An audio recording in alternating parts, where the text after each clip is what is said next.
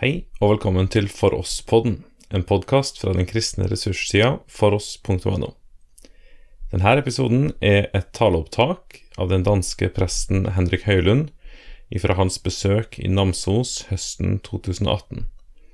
Overskrifta er Tro og fornuft. Uh, ja, tro og fornuft.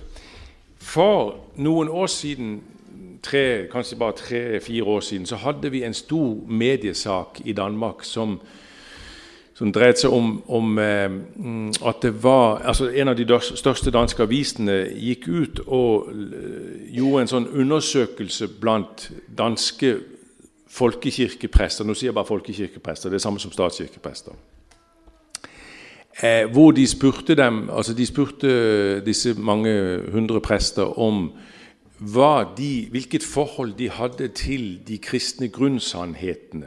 Altså, eller de kristne grunnbegivenhetene. For eksempel, og så, så, ble det liksom det som var hovedeksempelet, nemlig Jesu oppstandelse.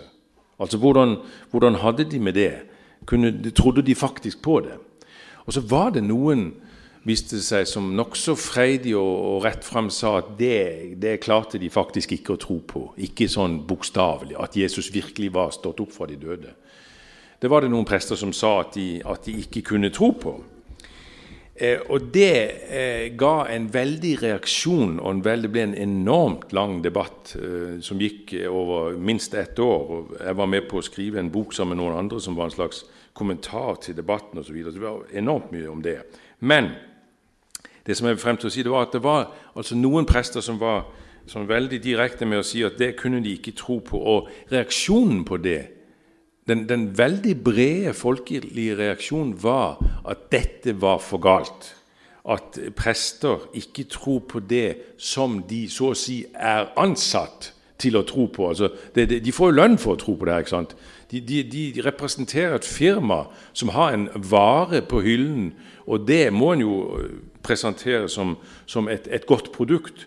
Men å si at man, en ikke tror at Jesus har stått opp fra de døde, det er jo samme som å si at den varen vi har på hyllen her, den, det er ingenting i den. altså Det betyr ingenting.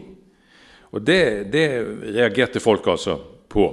Men samtidig så var det i reaksjonen en undertone av forståelse for disse prestene og, og gikk liksom, Tonen gikk liksom på dette at på den ene siden så, så, så, kritiserte man altså veldig sterkt disse prestene for å på en måte nesten lyge om det som de skulle stå for. Men det er klart, en skjønte jo godt at det er ikke så enkelt å, å skulle tro på dette i det 21. århundre. Å tro på at en død mann ble levende. Og at dette er jo på en måte kjernebegivenheten i den kristne tro det skjønte folk jo godt, at det er ikke så enkelt. Alt taler jo imot det her. altså Moderne rasjonalitet, moderne fornuft, moderne vitenskap og alt det her. Troen har trange kår, jo da. Det er helt sikkert motbakke å være prest nå til dags. Så på en, en litt sånn bakvendt måte så var det i kritikken en, en ganske stor forståelse for disse problemer som prestene måtte ha med å ha et sånt budskap. Altså, Sagt på en annen måte prestene hadde dypest sett et poeng. Den moderne tilværelsesforståelse eh, gjør at det å skulle forkynne Jesu oppstandelse, det er nesten, det er nesten håpløst. Det er omtrent som hvis, hvis foreldre skulle prøve å fortsatt eh, holde barn frem i tenårene og videre frem fast i troen på at det fins en julemann. Det går an i de aller tidligste barneårene, kanskje når de er to år gamle. Men, men når de er blitt tolv men, men, å liksom skulle fastholde barnet i det, det ville ha blitt eh, vanskelig. Og det, På samme måte med disse prestene. Stakkars prester. I det her, i denne, altså i denne tonen, i denne tankegangen, da ligger det jo at man, man tar det for gitt at alle selvsagt er enige om at kristendommen sånn rent umiddelbart har et ganske massivt forklaringsproblem hvis du skal måle den med fornuftens og naturvitenskapens målestokk. er, Og folk hadde, som jeg sa før, de hadde absolutt medlidenhet med disse prestene fordi de har fått denne oppgaven. At de skulle forkynne mot bedre viten. Altså det som de egentlig visste Det som prestene egentlig vet er umulig og utenkelig, det skal de likevel stå opp og si. Men nå kommer jeg da til et viktig spørsmål. Er, er det virkelig mot bedre viten å hevde at Jesus sto opp fra de døde, eller i det hele tatt hevde at, at troens virkelighet er sann og troverdig og holder også for fornuftens prøve? Ja, det kommer jo fullstendig an på om vi tror på en lukket eller åpen virkelighet. Dere har sikkert støtt på det eller møtt det begrepsparet før. En lukket og en åpen virkelighet. Hva tror vi på? Hvis vi tror på en lukket virkelighet, så tror vi på at i grunn og bunn så fins det bare materien. Så fins det bare fysikken, naturen. Så fins det bare atomer og molekyler og kjemi og, og fysikk. Det fins ikke noe annet i grunn og bunn. Du kan godt snakke om eh, spiritualitet og ånd og mystikk. Det kan du godt. Og, og disse prestene for eksempel, som, som da eh, sa at de ikke trodde sånn bokstavelig på Jesu oppstandelse, de, de, snakket jo selvfølgelig om, om, at Gud er der som en kraft og en energi, men alltid innenfor naturens egen lovmessighet, innenfor den virkelighet som er satt av naturens grense. Innenfor dette kan du snakke om, ja, om ånd og Gud, en slags, noe guddommelig, en guddommelig virkelighet. Men hele, alt det som du snakker om, uansett hva det er, befinner seg helt og holdent innenfor naturens fysiske grenser. Virkeligheten og verden fins bare i kraft av seg selv, og ikke noe annet. Det kan hende at Gud Eh, at det vil vise seg at, at, det som vi kaller for Gud, noen kaller for Gud, at det er Det kan hende at det fins som et fenomen i universet. Men altså som et fenomen som ethvert annet fenomen. Et fenomen som vi ikke nå har skjønt fullt ut. akkurat som Vi ikke, vi vet jo ikke helt dette med ormehuller, om dere har hørt om det. Om, om det, er noe som, det er en teori som fins, eller f.eks. mørkt stoff eller mørkt energi, som er noe av det som naturvitenskapen eller kosmologien er mest opptatt av i, i disse tider. Om det fins eller ikke fins, det er en teori eller en tiende dimensjon som man snakker om. Og På samme måte kan det hende at Gud er der som et slags et eller annet uerkjent fenomen i universet. Det er de som tror altså på en lukket virkelighet, som har det sånn. De som tror på en åpen virkelighet, tror, akkurat som de gamle, eldgamle antikke filosofer, de greske filosofene tro, trodde at ingenting kommer av ingenting. Nihil ex nihilo, som de sa på latin. Ingenting kommer av ingenting. Verden, virkeligheten, har ikke blitt til av ingenting, sa de gamle greske filosofene. Og de som tror fortsatt i dag på en åpen virkelighet, har akkurat samme innstilling. Det har aldri vært ingenting. Det har alltid vært noe, eller for å være mer presis, det har alltid vært noen. Noen var der først som forutsetning for at noe i det hele tatt fins. Og Da betyr det jo at at det, det gir jo en, en prinsipiell åpenhet for at det kan skje innbrudd utefra. Det kan skje brudd med den kjente lovmessighet. Den, den, den, lovmessighet som vi kjenner i, i form av tyngdelover alle mulige slags naturlover, det er ikke den ytterste realitet. Det fins en realitet utenfor det som ikke er bundet av denne realitet, av lovmessigheten. En ubunden realitet. En ubunden realitet som de fleste da vil identifisere med ordet Gud og som gjør at virkeligheten er åpen, fordi at det kan, det, det kan komme til innbrudd i denne virkeligheten, som ellers er liksom avgrenset og definert av disse lovene som vi kjenner i naturen. Men det kan komme et innbrudd utenfra når du tror på en åpen virkelighet, når du tror at det, at det ikke bare er denne naturen som fins. Og om en velger å tro på det ene eller det andre, på en lukket eller en åpen virkelighet, det er et spørsmål om tro. Det er ingenting i naturvitenskapen som taler mer for den ene tilværelsesoppfattelse fremfor den andre. Det er ingenting i naturvitenskap som taler mer for en lukket virkelighet enn for en åpen virkelighet. Det fins en veldig stor gruppe av naturvitenskapsmenn på aller høyeste plan som tror på en åpen virkelighet. Så, så motsetningen er ikke naturvitenskapen kontra religion, fornuft kontra tro. Det er ikke en motsetning som er ekte. Den er uekte, den er falsk, for å si det sånn.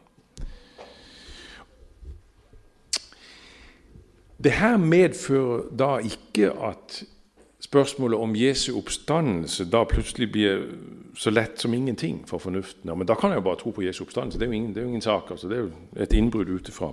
Ja, det er det.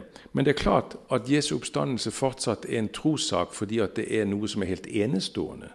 Du kan ikke føre bevis for Jesu oppstandelse. Du kan føre en viss historisk, kritisk eh, troverdighetsprøve. Det kan du.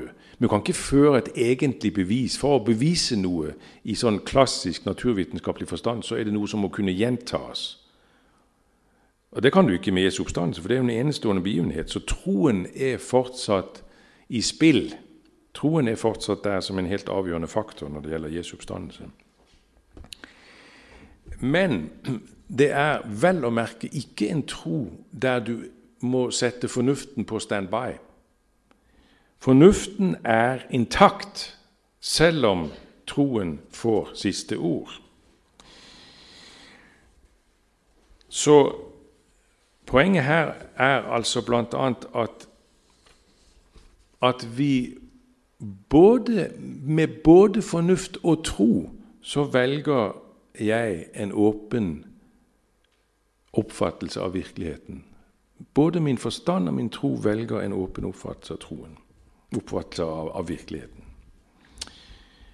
Og det gjør altså at jeg har en åpenhet, at vi som kristne har en åpenhet for at, at det kan skje ting i tilværelsen som går utenfor rammen av det som vanligvis skjer ifølge vanlig lovmessighet, f.eks. Jesu oppstandelse. Jeg kan si det her på en annen måte. Et troende menneske, et religiøst troende menneske, dispenserer ikke fra fornuften. For det er ikke mulig. Vi er nemlig som mennesker grunnleggende utstyrt med fornuft og tanke, og med følelser. Og vi kan ikke koble noe av det ut og dispensere fra det. Det er alt sammen med oss hele tiden. Vi beveger oss alle sammen hele tiden mellom tro og fornuft. Og ingen av delene skal vi, skal vi ta bort. Vi samler Hele vårt livssyn er jo en samling som skjer, en, en slags sammenstykning av både tro og fornuft. Det betyr samtidig at vi, vi må ta et oppgjør med oss selv eller med kristne, andre kristne som har en tendens til å se fornuften som et form for problem for troen.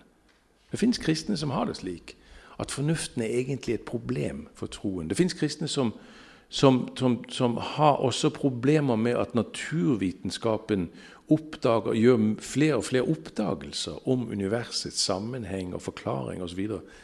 Men det er ikke et problem. Overhodet ikke. Tro betyr ikke at fornuften må liksom settes litt bort i, Jeg vet ikke om du har det norske uttrykket 'skammekroken'. Altså At du må liksom sette litt bort i kroken for det, det som en sånn dårlig skoleelev. Fornuften, du må, du må, gå der bort. Sånn er det ikke med troen. Sånn har troen det ikke. Vi må tro også med vår fornuft.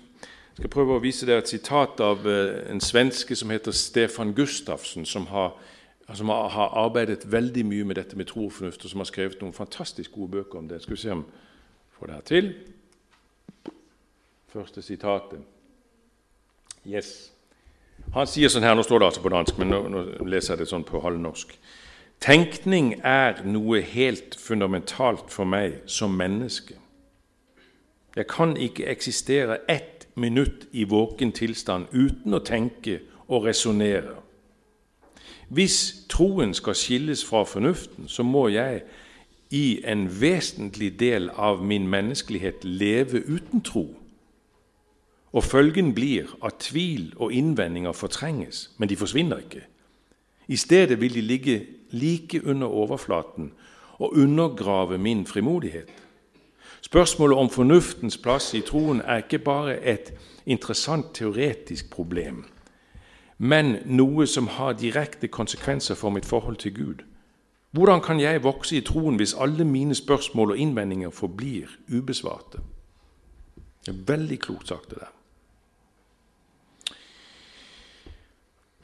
Alt det her som jeg er inne på nå, dette med, med sammenhengen mellom tro og fornuft, det har også noe å gjøre med, med har veldig mye å gjøre med det at med, med, troens karakter av virkelighet, eller hva skal vi si, troens virkelighetskarakter. At troen er bundet opp i virkeligheten, har med hele virkeligheten å gjøre. Troen dreier seg ikke om noe som bare ligger utenfor den, den alminnelige virkelighet. Troen dreier seg i veldig høy grad også om den synlige tilgjengelig virkelighet, sånn som vi møter den med våre sanser og vår fornuft og tanker og alt mulig. Hvis troen skal gi mening, så skal den på et visst plan også kunne tåle fornuftens prøve. Virkeligheten henger nemlig sammen. Virkeligheten må til syvende og sist være én og samme størrelse.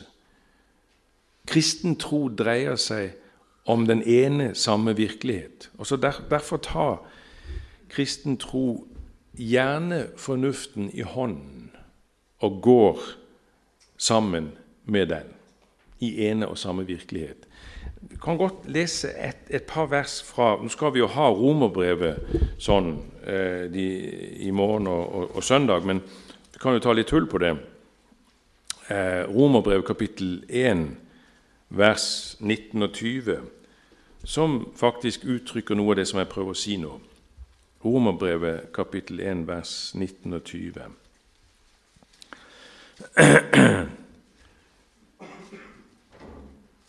Der står det For det som en kan vite om Gud, ligger åpent for dem.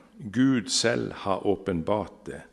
For Hans usynlige vesen både hans evige kraft og hans guddommelighet har menneskene helt fra skapelsen av kunnet se og erkjenne av hans gjerninger.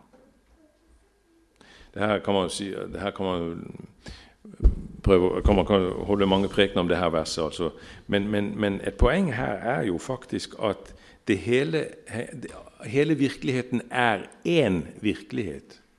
Altså det med, med Gud og Skapelsen og alt sammen henger fullstendig i hop. Det er en og samme virkelighet.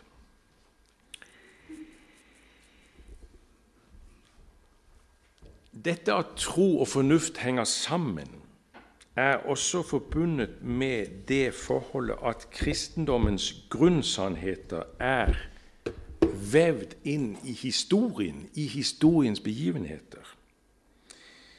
Um, det er jo slik at uh, Kristendommens sannheter svever jo ikke oppi, liksom oppi atmosfæren uten forbindelse med tid og rom. Tvert imot. Det er jo helt tvert imot. Kristendommens grunnsannheter er jo, er, jo, er jo tett forbundet med ting som har skjedd på jorden i tid og rom. Du kan ikke fjerne f.eks. Eh, Jesu oppstandelse sånn bokstavelig oppstandelse som en virkelig hendelse, og så, og så, fortsatt hevde at budskapet det har vi intakt. Altså det, det, er der fortsatt. Du kan ikke fjerne Jesus fra kristendommen og si at vel, om han har levd, om han virkelig var en historisk person, det er ikke så viktig, fordi vi har jo fortellingene. Og disse fortellingene er jo fantastiske, og de, de har et sånt fint budskap som vi kan bruke uansett om han, ja, om han var der og, og gikk på vannet og sto opp fra de døde osv. Nei, det går ikke an. Budskapet ligger i selve det som skjedde. Jesus selv er budskapet. Og alt det som som, som, skjedde i historien med Jesus og med alt sammen som vi leser om i Bibelen, det forholder vi oss også til med fornuften, med historiske briller. Vi undersøker saken. Holder det? Er det troverdig? Eller er det bare litt sånn Robin Hood uh, over alt sammen, over Jesus-skikkelsen, sånn delvis utroverdig? Dette er faktisk en av flere grunner til at jeg er glad for at jeg ikke er muslim eller mormon, f.eks., for, eksempel, for å nevne to andre religioner. Hvis du, går, hvis du tar den historien som ligger bak deres fortellinger eller deres religion, den historien som ligger bak deres bøker, f.eks. Koranen og Mormons bok, så oppdager du fort at den er så tynn som papir. At den er så historisk utroverdig så det, det på en måte er utrolig lett å bare eh, feie bort. altså. Tvert, derimot Bibelen kan du på en helt annen måte ta tak i med historiske briller, med arkeologiske briller osv. Og, så og den tåler denne prøven. Betyr det da, det som jeg sier nå, betyr det at en kan bevise kristendommen? Nei, det gjør det ikke. Da var det jo på en måte enkelt nok, men også veldig problematisk i virkeligheten. Det er en veldig avgjørende forskjell på trosforsvar og så bevis. Hvis jeg skal si det veldig kort hva trosforsvar kan, så, det, så kan jeg gjøre det opp i to ting. For det første så kan et godt kristent trosforsvar det kan sannsynliggjøre den kristne troen, kan sannsynliggjøre den. Ikke bevise det, men kan sannsynliggjøre ting. F.eks. kan den sannsynliggjøre eh, at verden henger sammen sånn som den gjør, at den er bygd opp sånn som, at universet er som det er fordi det må være en skaper som står bak.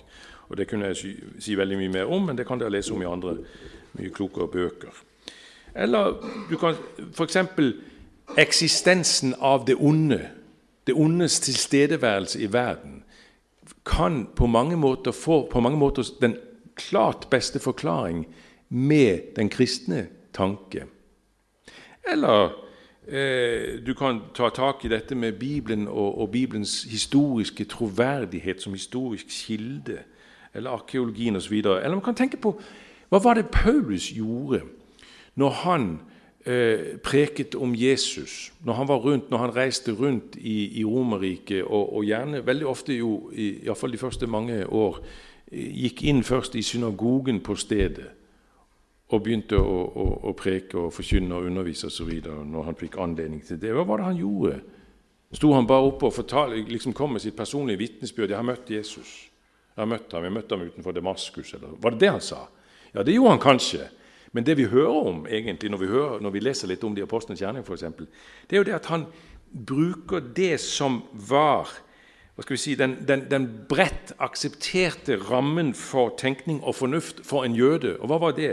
Ja, Det var jo hele det gammeltestamentlige universet, så å si.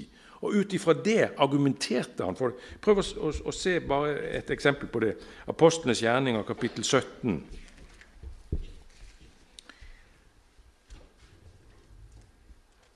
Apostelens kjerne, kapittel 17, vers 3. Eller vi kan ta fra vers 2. Nei, ta fra vers 1. Apostelens gjerne 17. Der var det en jødisk synagoge. altså De kommer til eh, Tessalonikia. Ja. Og Der er det en jødisk synagoge, og Paulus gikk dit som han pleide. Tre sabbater på rad talte han med dem ut fra Skriftene. Han tolket dem og forklarte at Messias måtte lide og stå opp fra de døde, osv. Han tolket og han forklarte osv. Altså han, han bruker også her faktisk fornuftens argumenter, og underviser med logiske argumenter og forklaringer og utlegning av det som var liksom akseptabel ramme for, for deres tenkning. Sånn gjorde han det. Så det, det, er altså det ene, dette med sannsynliggjøring. Det andre som et trosforsvar kan, det er egentlig en slags negativ eh, Hva skal vi si en, en, en negativ effekt. Tro, tro, et godt trosforsvar er i stand til å avdekke motstanderens svakheter i sitt livssyn, i sin tro, i sin tenkning. Prøv å se i andre, annet Korinterbrev, eh, kapittel 10.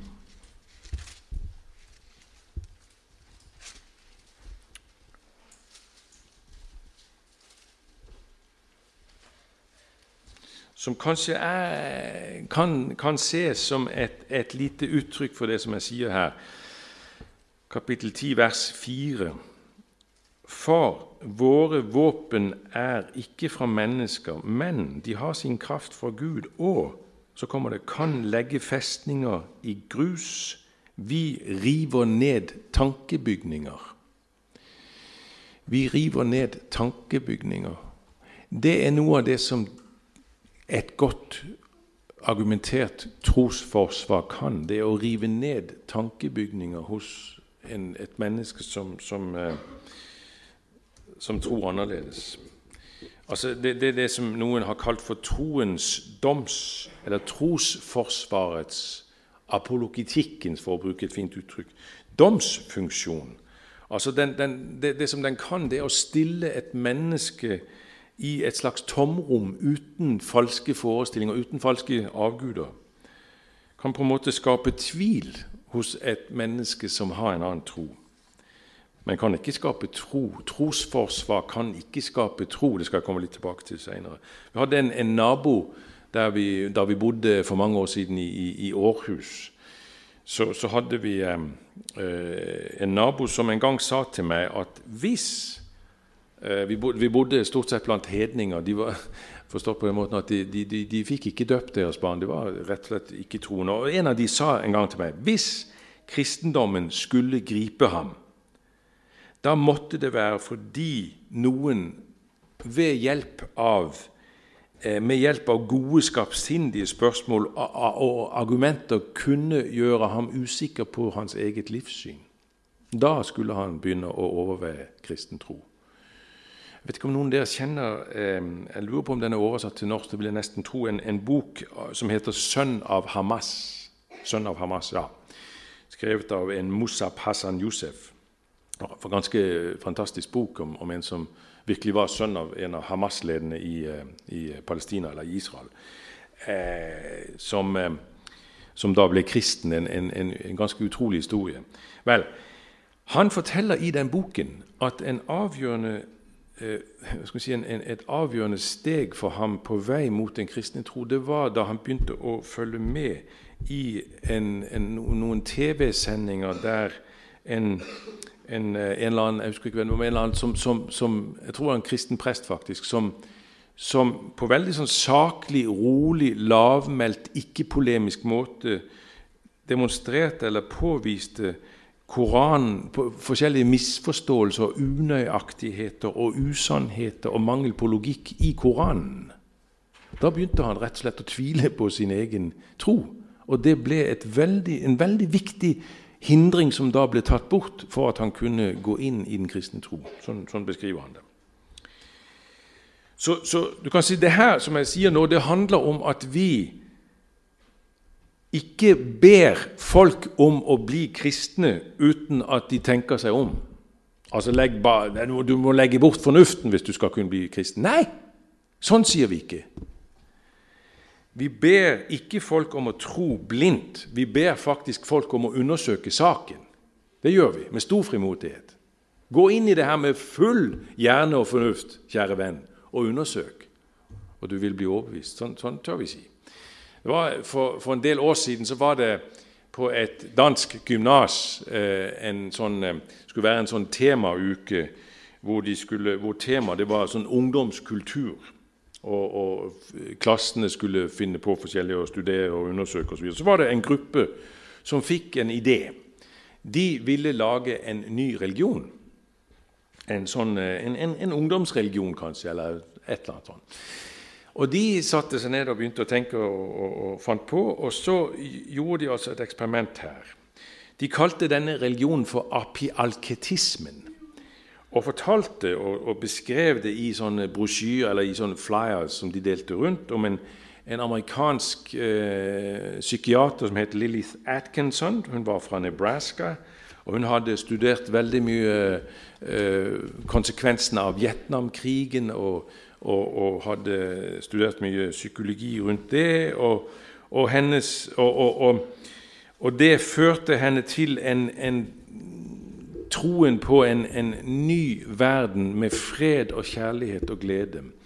Liksom kom, altså, disse studiene førte henne i den retningen. Og De delte som sagt ut flyers med opplysning om det her. Og, og, og, hvor de skrev at alle mennesker har i deres hjerne et område som kalles for taupsien. Eh, og, og, fra dette området, terapsien, der blir glede og kjærlighet og vennskap styrt. Akkurat fra det punktet i hjernen. Og så hadde de sånne slagord, f.eks. apialketisme mot egoisme og sånne ting. der. Og så, så, kunne du, og så, så, ja, så De befant seg på et eller annet, de fikk liksom et område på gymnaset der de, de eh, kunne, man kunne komme der og få tatt en computertest.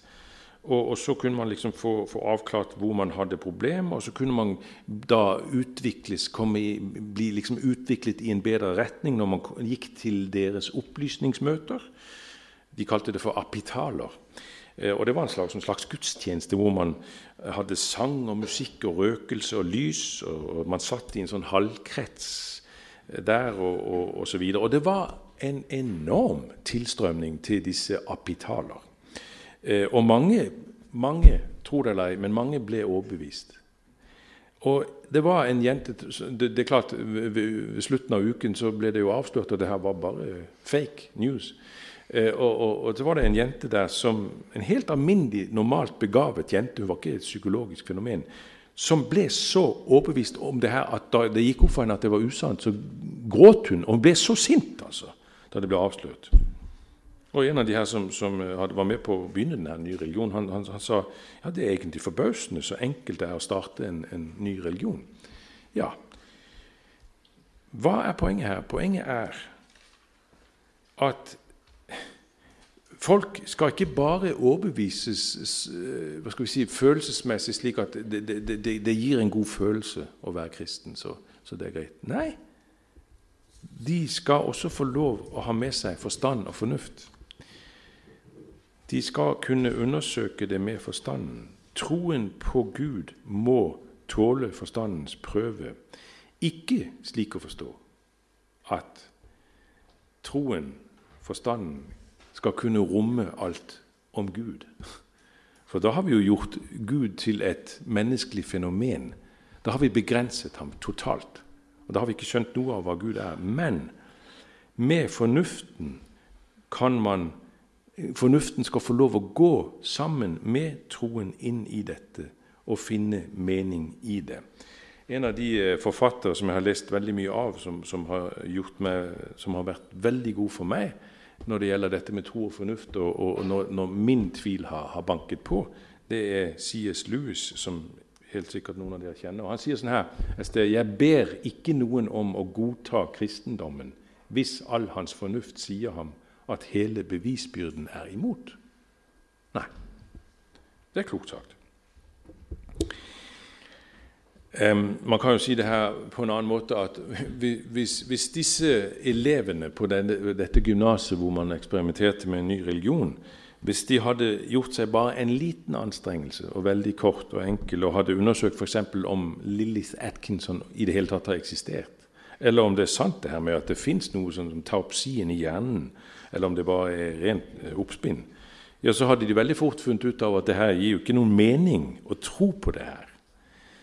Akkurat som det ikke ville gi noen som helst mening å tro på kristendommen hvis man med sikkerhet kunne konstatere at det har aldri eksistert en Jesus fra Nasaret, eller hvis man kunne bevise totalt og aldeles at han har ikke stått opp fra de døde. Hvis man kunne bevise det, slå det fast med sikkerhet, da ville det ikke gi mening med kristendommen lenger. Heller ikke i den brede betydning av mening. Jeg vet ikke om det har fulgt med i, i, i det som av og til eh, skrives i forskjellige både aviser, kristne blader og tidsskrifter osv. Men, men, men, men det har jo vist seg at forskjellige undersøkelser Jeg har samlet litt på det, for jeg syns det er litt morsomt. At forskjellige undersøkelser gjennom årene har, viser at du faktisk får det er gjort, Og det er seriøse undersøkelser. Det er ikke kristne som undersøker det. Det er alminnelige sekulære sosiologer som, som undersøker og finner ut av at kristne mennesker har generelt bedre økonomi, de har bedre sexliv. Ja, det har de. De har bedre helbred, de lever lenger. Syv år i gjennomsnitt lenger. Eh, de er mindre nervøse ved eksamen osv. Ja, sånne undersøkelser. Det er veldig morsomt å lese det. Og Da kan man jo si ja, men det, da, da, er jo kristendommen Da har den jo mye for seg. Det er jo bevis for kristendommen. Nei, det er det ikke. Det er ikke det som gjør at det til syvende og sist og helt sånn basalt gir mening og er sant. Det er det ikke. Jeg er veldig glad i noen ord som den franske filosof og kristne mystiker Simone Weil eh, skrev en gang når hun var i ferd med å skrive, beskrive sin vei til kristen tro. Og Da skrev hun sånn her Jeg avviste fortsatt halvveis Kristus, ikke ut av kjærlighet, men på grunn av min forstand. For jeg var overbevist om, og det er jeg stadig, altså fortsatt, at et menneske ikke kan kjempe for mye med Gud. Altså kjempe ja, for meget med Gud, hvis man kjemper ut fra en følelse av å være forpliktet på sannheten. Kristus synes om, altså Kristus liker at vi foretrekker sannheten fremfor ham, for han var sannheten innen han ble Kristus. Hvis noen vender seg bort fra Kristus for å gå imot sannheten, altså for å gå i retning av sannheten, da vil man ikke komme langt før man faller i Kristi armer. Simone Weil hun fant altså ikke veien til kristen tro ved å liksom dispensere fra fornuften. Veien til Kristus var for henne tett bundet sammen med lengselen etter sannhet. Og den lengsel var forbundet med fornuft og argumenter osv. Så, videre. så gode argumenter skal ikke forsakes. Tvert imot. De skal følges hele veien. Jeg pleier å si noen ganger at når tvilen banker på hos meg, og jeg har hatt mye med tvil i hele mitt liv, faktisk, så er jeg dypt takknemlig for gode argumenter. Jeg pleier noen ganger å si at når jeg, når jeg, kommer i tvil, så tenker jeg meg om. Og veldig ofte så er det sånn at ved enden av den klare tanke, der har troen det enklere, faktisk. Nå kan det høres ut som at, at nå står jeg her og sier at, at man via fornuften, av fornuftens vei, at da kan man nå frem til tro. Men det sier jeg ikke.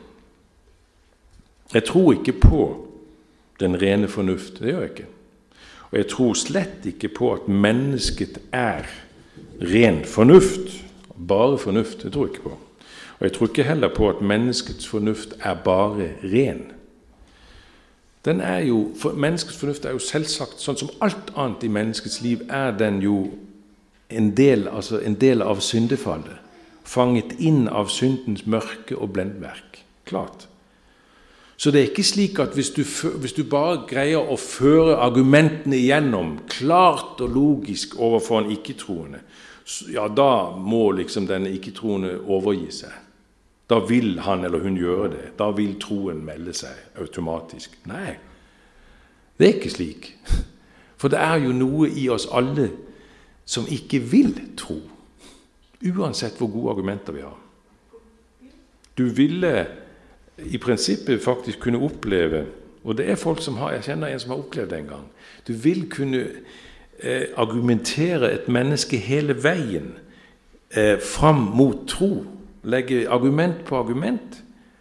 Og hvor troen liksom blir den mest fornuftige konklusjonen, og likevel så vil dette mennesket kunne finne på å si nei. Jeg er ikke klar. Jeg vil ikke tro. Nei. Fordi mennesket er Ifølge Bibelen så er mennesket ikke nøytralt. Fornuften er ikke ren. Den er ikke nøytral. Det er ingenting som er rent og nøytralt ved mennesket. Og Det henger jo sammen med hele, altså hele syndefallets konsekvenser. Det onde har blitt et eksistensvilkår på et veldig dypt og veldig omfattende plan for oss alle sammen. Mennesket er ikke et sånt nøytralt, sannhetssøkende vesen. Det onde har lagt seg som en sånn kan man si det på norsk filter innover hele mennesket og får hele tiden bildet til å, å, å, å ryste. Mennesket vil ikke per automatikk sannheten. Det er jo slik vi, man, man hører det ofte, at, at mennesket er et sånt sannhetssøkende vesen. Ja, men det er også et løgnsøkende vesen. Jesus sier 'ingen kan komme til meg uten at Faderen som har sendt meg, drar ham'. Nei. Et menneske må dras av Faderen. Og Derfor er det også bruk for et troshopp, et hopp ut i troen. Både for et menneske som kommer helt utefra, altså på vei inn mot troen. Et slikt menneske vil aldri Du vil aldri kunne, du, må, du er nødt til å si til det mennesket at hvis, hvis det Jeg har møtt det ganske ofte fra ikke-troende at Ja, men hvis du bare kan eh, liksom forklare det her, da, da kan jeg la meg overbevise. Men det er ikke så enkelt. Det er ikke bare slik at hvis, hvis du kan føre argumentene helt igjennom, da, da skal nok dette mennesket kunne tro. Nei, du er nødt til å, å, å si til enhver ikke-troende at du, det, det, kommer et punkt, det kommer et sted hvor du er nødt, nødt til å springe og hoppe ut i troen. Og Det samme gjelder jo egentlig også vi som tror, men som kan kjempe med tvil noen ganger. At også vi må foreta stadig på nytt et troshopp. Men, og det har jeg lyst til å ta med dette er vel å merke ikke bare noe som gjelder kristne mennesker. Det er veldig ofte sånn det fremstilles. Eller at religiøse mennesker. Ja, De hopper ut i troen. ikke sant? De, av, de legger bort hodet og forstand, og så hopper de ut i troen. Nei, det her er noe som gjelder alle. Jeg hadde, for, for, et par måneder siden så hadde jeg inne der i København en, på en kafé eh, en, en, debatt med eh, han som er formann for ateistisk selskap, som det heter i Danmark. Og Det var veldig interessant å høre hans vitnesbyrd. For det var et rent trosvitnesbyrd om hvordan han ble troende ateist. Og det var det faktisk. Han var på en måte veldig ærlig om det også. Han, han kom faktisk fra Jehovas vitner. Så jeg, kunne, jeg, måtte jo si til han at jeg tror jo heller ikke på den Gud som du ikke tror på. Det gjør jeg ikke. Men, men, men han, hans vitnesbyrd var faktisk et vitnesbyrd om hvordan han til sist foretok et slags troshopp ut i ateismen. Det var ikke bare altså I hans egen, i hans egen, eh, skal si, i hans egen forståelse av det her, så var det nok, så ville han nok gjerne fremstille som at dette var liksom logikkens eh, naturlige konsekvens, fornuftens naturlige konsekvens, at han måtte til sist si 'jeg er ateist'. Men sannheten er at det var like mye troshopp for ham i det som det er for oss andre når vi hopper ut i troen. Og Det henger jo sammen med at et livssyn, et ateistisk livssyn et religiøst livssyn, et troendes livssyn, er sammensatt av mye mer enn fornuft og logikk.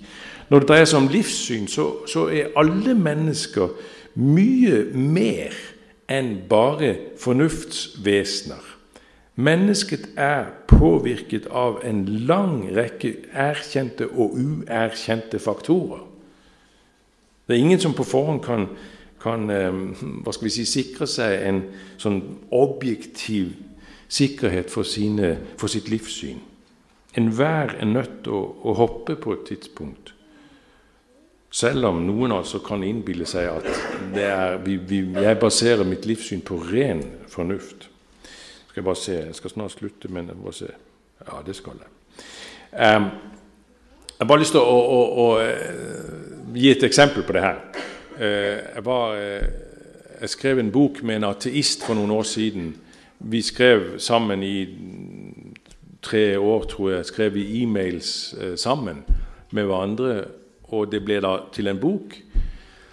Og det som slo meg på et tidspunkt, og jeg skrev det i, skrev det i en e-mail, og det kom med i boken da, det var eh, hvor merkelig det var at vi liksom vi, vi, vi, vi, diskuterte og vi argumenterte og brukte fornuften og hele tiden ikke sant, og prøvde Når den ene hadde skrevet et svar, så tenkte han vel nå, det, nå, nå, han, nå, stopper det, nå må han overgi seg. Og så ble det et svar som hadde samme karakter. Og Så, så, så gjorde jeg en slags avbrudd midt i diskusjonen, og så skrev jeg sånn her Han het Karsten. Kjære Karsten. Det er noe merkelig mystisk ved vår diskusjon. Vi fremturer med våre argumenter. Vi bombarderer hverandre med det beste vi kan ta frem.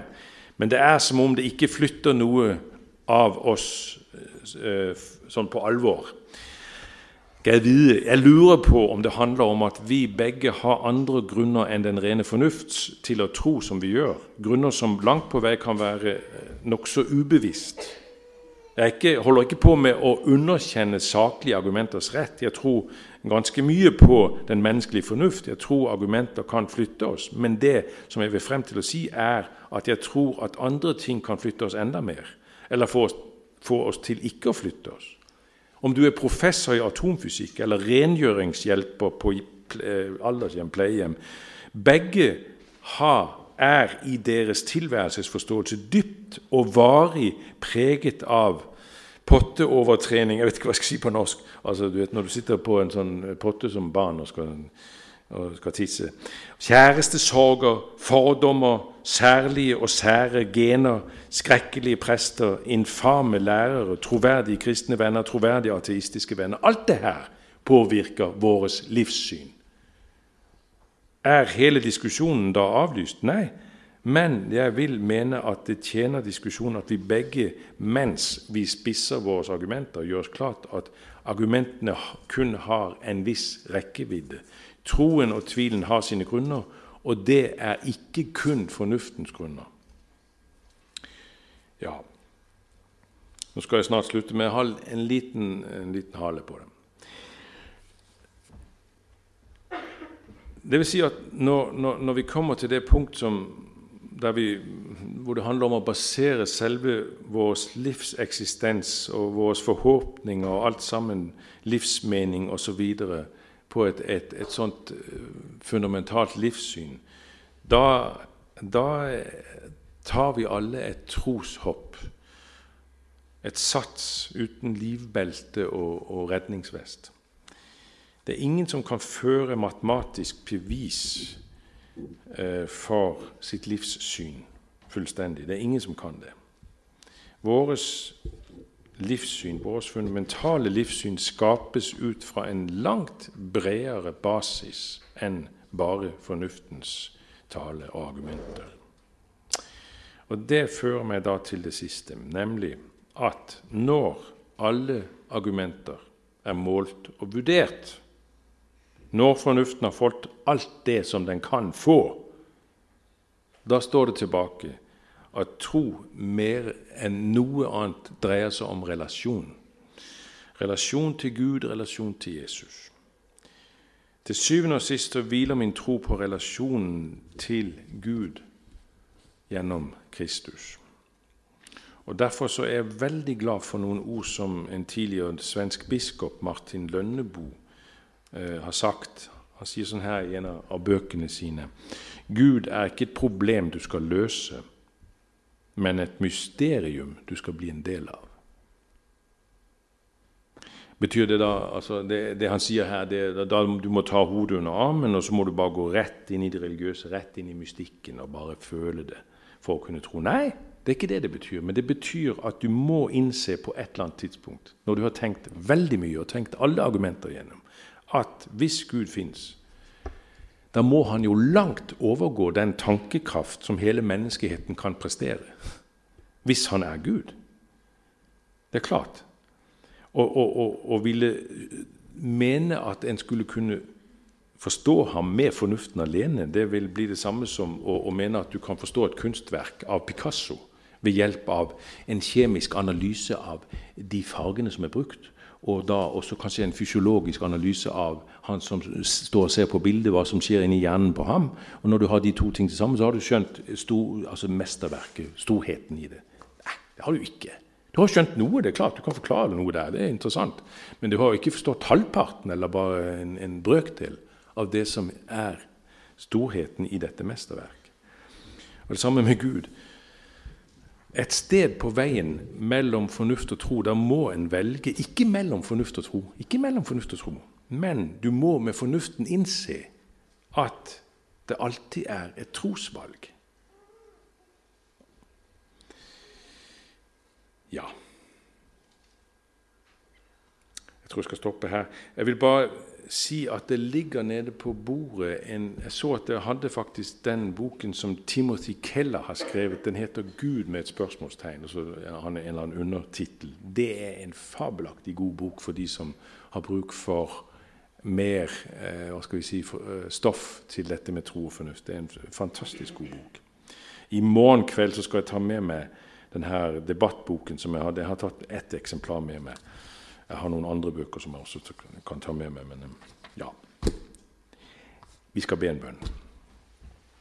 Gode Gud og Far. Vi takker deg for at vi ikke kan romme deg med fornuften og tanken alene. Det hadde jo vært forferdelig, for da var du jo, var du jo ingenting. Da var du bare våres fantasi og oppfinnelse. Men du overgår langt tankens kraft og argumentenes logikk. Og takk for det. Men takk for at du har skapt oss og utstyrt oss med tanke og fornuft og evne til å studere og utforske og tenke dypt og høyt og langt. Også når det gjelder troen, ja, selv når det gjelder det å forstå deg. Takk for at alt sammen ikke bare er føleri. Vi takker deg, Gud, for at uh, vi får være her, og vi ber om at du vil uh, gi oss lys og klarhet og blomstring i troen i disse dager. Amen. Du har nå hørt talen Tro og fornuft av Henrik Høylund. Finn flere ressurser, og vær gjerne med å støtte oss på foross.no.